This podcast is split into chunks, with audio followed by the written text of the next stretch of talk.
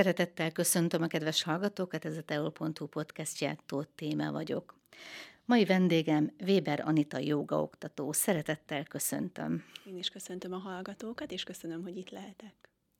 Önnek szexárdon is vannak órái. Miről szólnak ezek az órák, és hol találhatók, hogy lehet önhöz jelentkezni? Ez egy bevezető óra egyelőre, ami azt jelenti, hogy havonta egyszer tartom meg az Insight Flow órákat, ami egy Magyarországon új joga irányzat, bár már 15 évvel ezelőtt találták ki.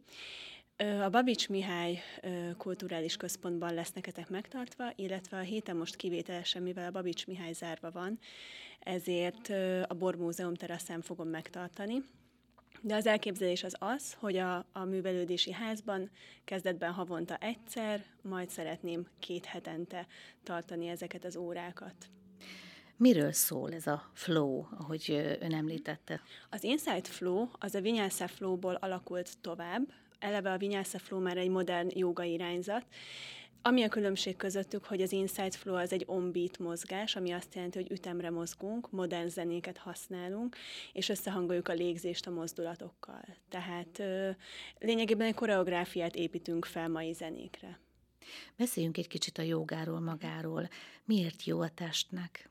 Hát nem csak a testnek jó a joga, mindennek.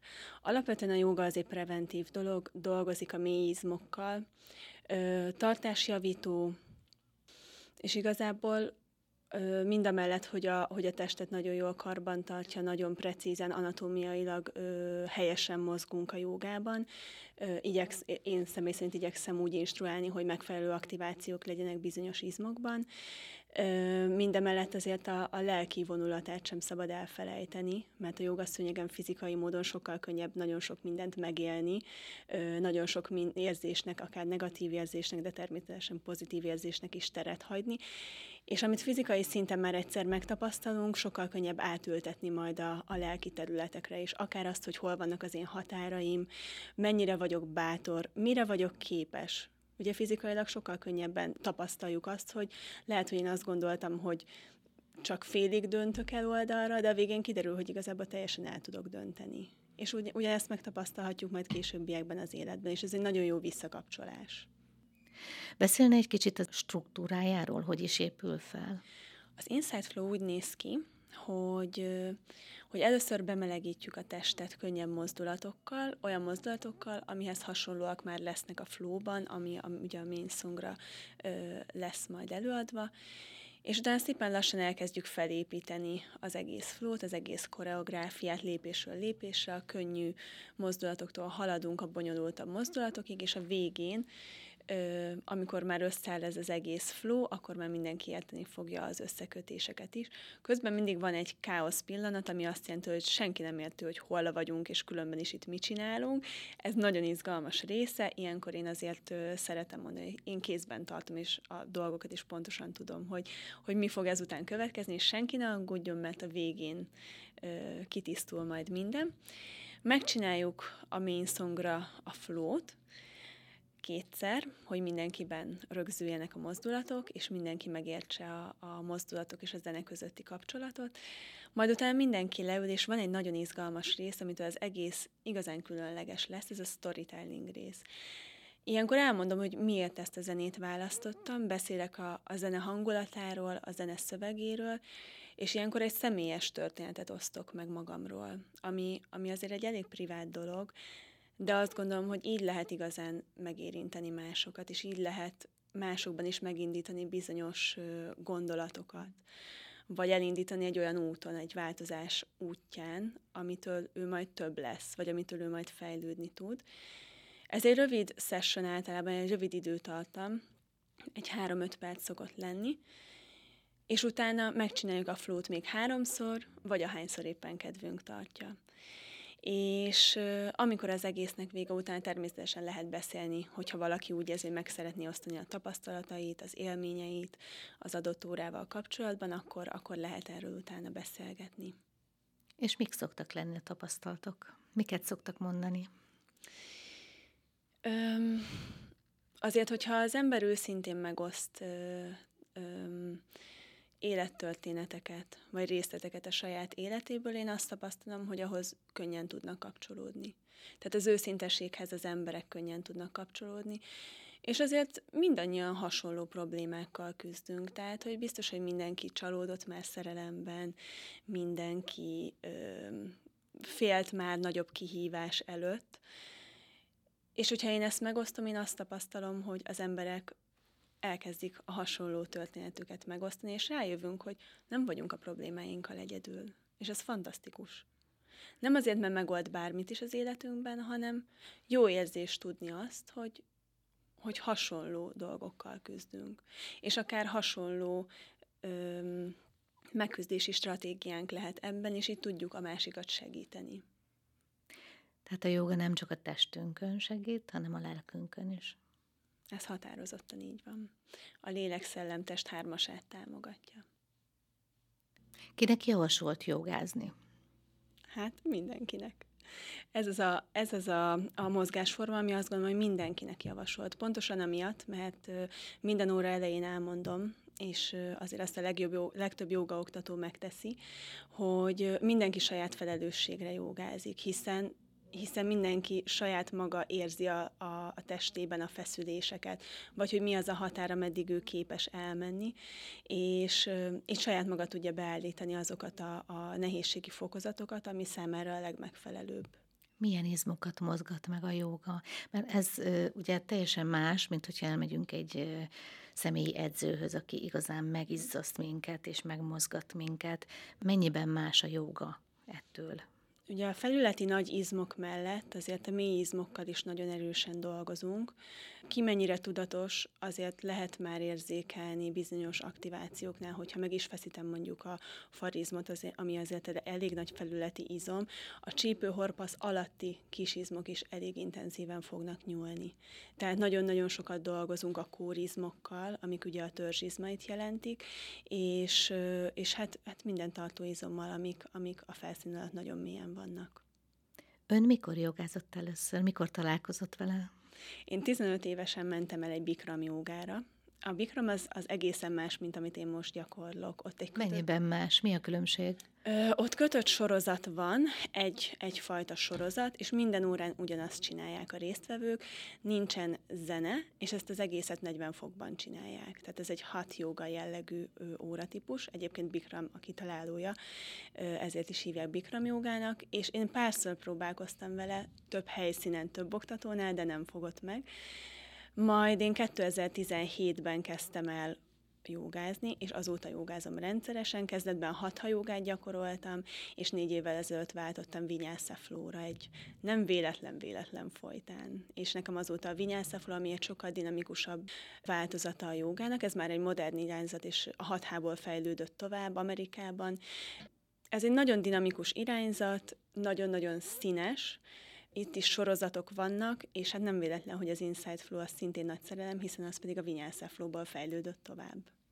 Milyen zene illik ehhez? Gyorsabb is lehet? Az a szép. Meg van határozva egy BPM szám, tehát 60 BPM-től egészen 120 BPM-ig lehet menni, de azon belül, hogy milyen hangulatú a zene, vagy milyen műfajú zenét hallgatunk, az már, az már igazából a, a, a tanáron múlik, hogy milyen hangulatot szeretne teremteni egy órán. Tehát lehet egy, egy lassú szerelmes szám, lehet egy pörgős, bulizós szám, lehet egy szomorú szám, lehet melankólikusabb zene, tehát hogy nagyon, nagyon sokféle lehet, lehet, sőt az Inside Flow-nak van egy védjegye, ez a Chopin Flow, ami egy klasszikus zenére íródott flow.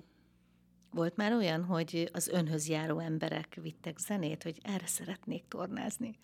Ilyen azért nincs, mert nagyon szigorú struktúrája van egy Inside Flow órának, és, és mi egy konkrét főzenére, azaz main songra tanulunk be egy flow-t. Ezeket nem én készítem, hanem már junior és senior oktatók, adott esetben silver és gold oktatók is készíthetnek. Van egy nagyon jó rendszere az Insight Flow-nak, különböző szinteket lehet elérni. Én még most vagyok az első szinten, hamarosan elérem a második, a gold szintet.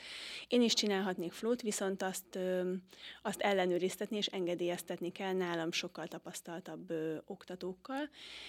Így ennek megfelelően mindenki olyan flót taníthat, amit már előtte engedélyeztetett és hát azért az órán nem mindegy a felépítés. Tehát, hogyha én elviszek egy olyan zenét, amit már valaki engedélyeztetett, tehát megtartva ugye egy minőséget az órán, arra nekem kell írnom egy build hogy hogyan építem fel, hogyan tanítom be ezt a flót. Ez bármilyen zenére lehet, mehet. Tehát, hogy ez hasonló BPM számban, vagy lassabb BPM számban, mint egyébként a main songnak a zenéje van, de bármilyen zenére betaníthatom. Az a lényeg, hogy, hogy fel kell építeni az egész koreográfiát, és, és a végén majd akkor, akkor nyer értelmet az egész, hogyha már berakom a főzenét, és azzal együtt csináljuk meg a, a flót. De azért gondolom, egy rokkosabb zene nem is illik ehhez a tornaformához, mert ez egy kicsit olyan nyugtatóbb. Nem feltétlenül. Nem feltétlenül? Nem feltétlenül. Szerintem mindenki ismeri a Dance Monkey Igen. című dalt. Arra is van egy flow. Na, tökéletes. Tehát, hogyha megvan a megfelelő BPM szám, hogyha, hogyha jól követhető az üteme a zenének, akkor akár az egy rockzene is lehet. Tehát Michael Jackson-tól kezdve Sam Smith-en át, akár egy Dance Monkey, Sia-nak a zené, Rihanna, Ed Sheeran, tehát igazából nagyon-nagyon sokrétű, nagyon-nagyon sokrétű lehet egy óra.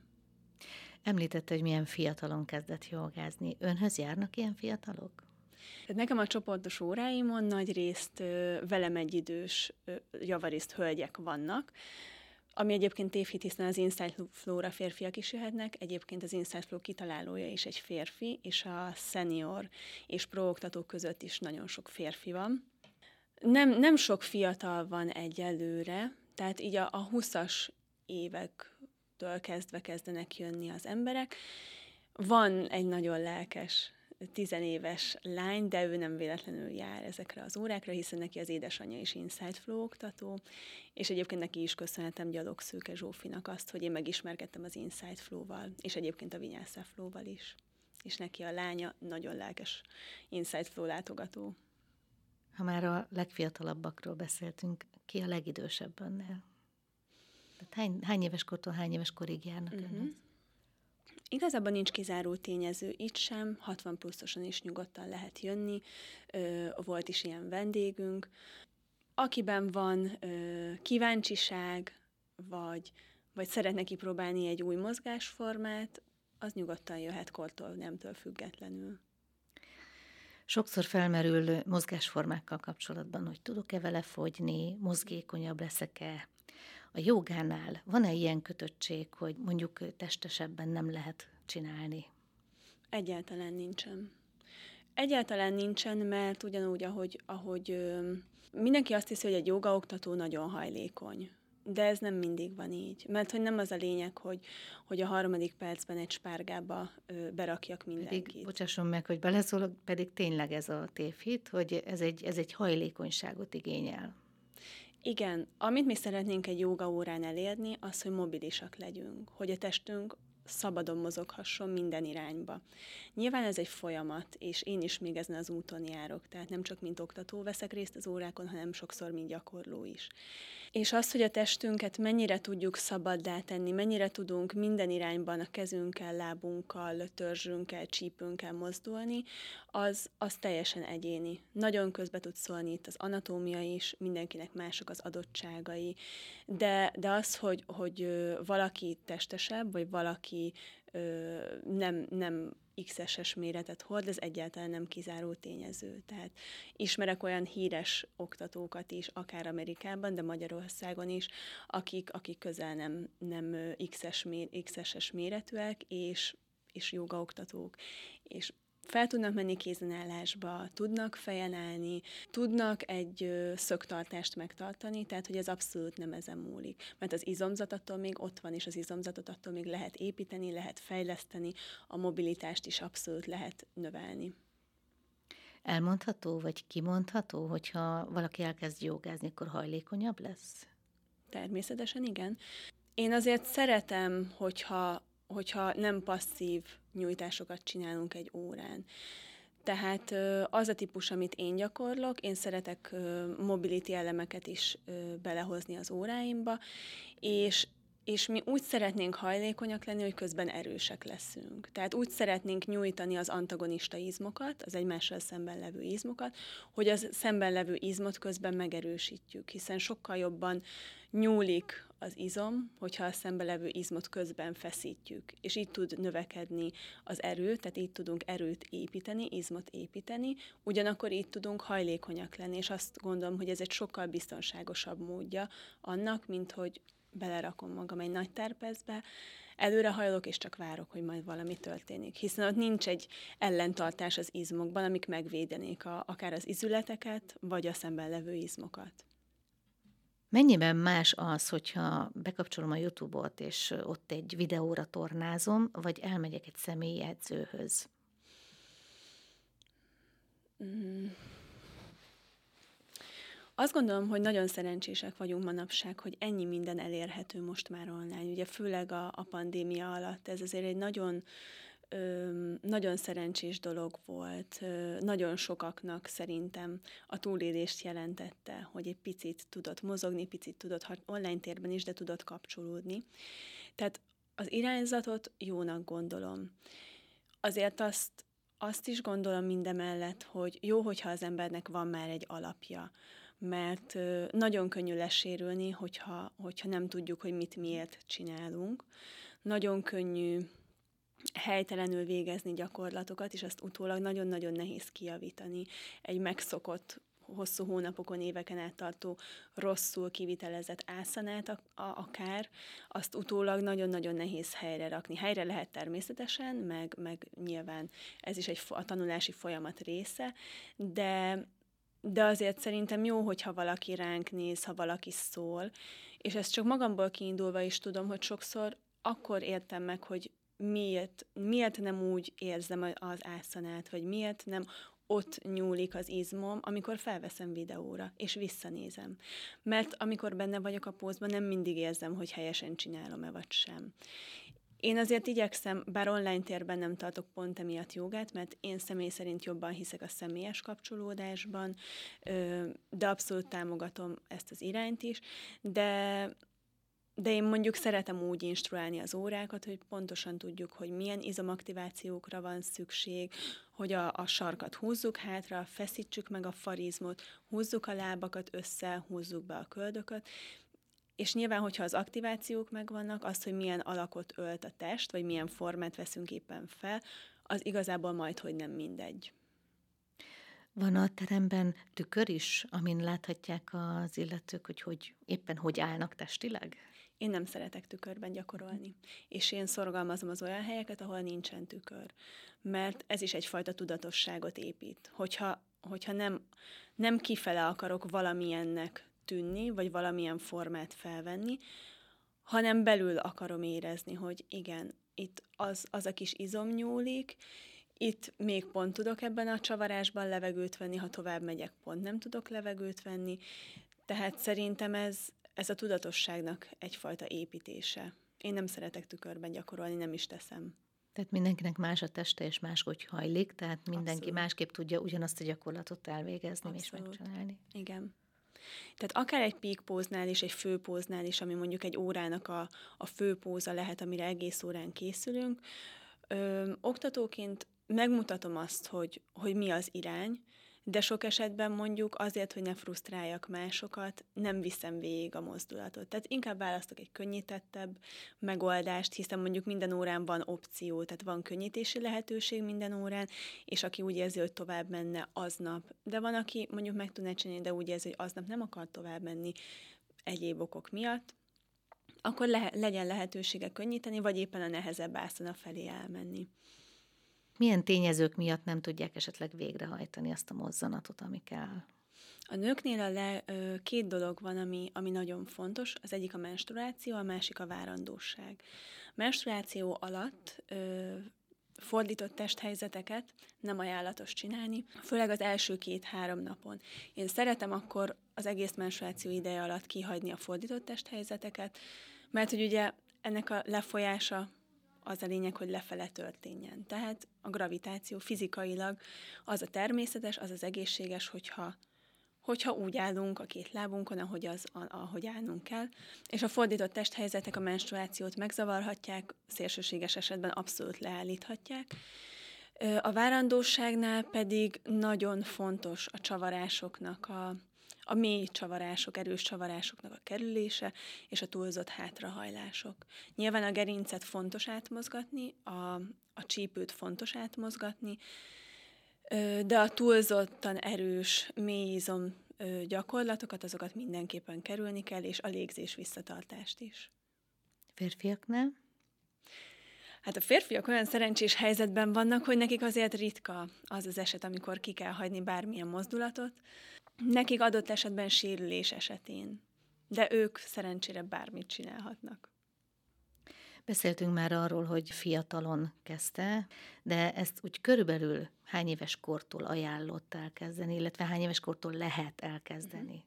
Gondolom hat éves kortól nem, vagy igen? Abszolút lehet. Uh-huh. Tehát vannak babamama jogák, vannak ovis jogák, tini jogák, azok, akik ezzel foglalkoznak és ilyen, ilyen irányú képzést végeztek, ők pontosan tudják, hogy mik azok a mozdulatok, amiket szabad csinálni egy tinédzsernek, vagy egy óvodáskorúnak, eleve, hogy a figyelmüket hogyan tudják lekötni, tehát valószínűleg ők három légzésig, vagy öt nyugodt légzésig nem biztos, hogy meg fognak tartani egy fapószt, de teljesen más technika egy gyerek jóga, és abszolút el lehet kezdeni már fiatalon is.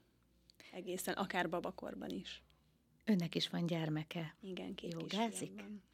Az óvodában van nekik jóga.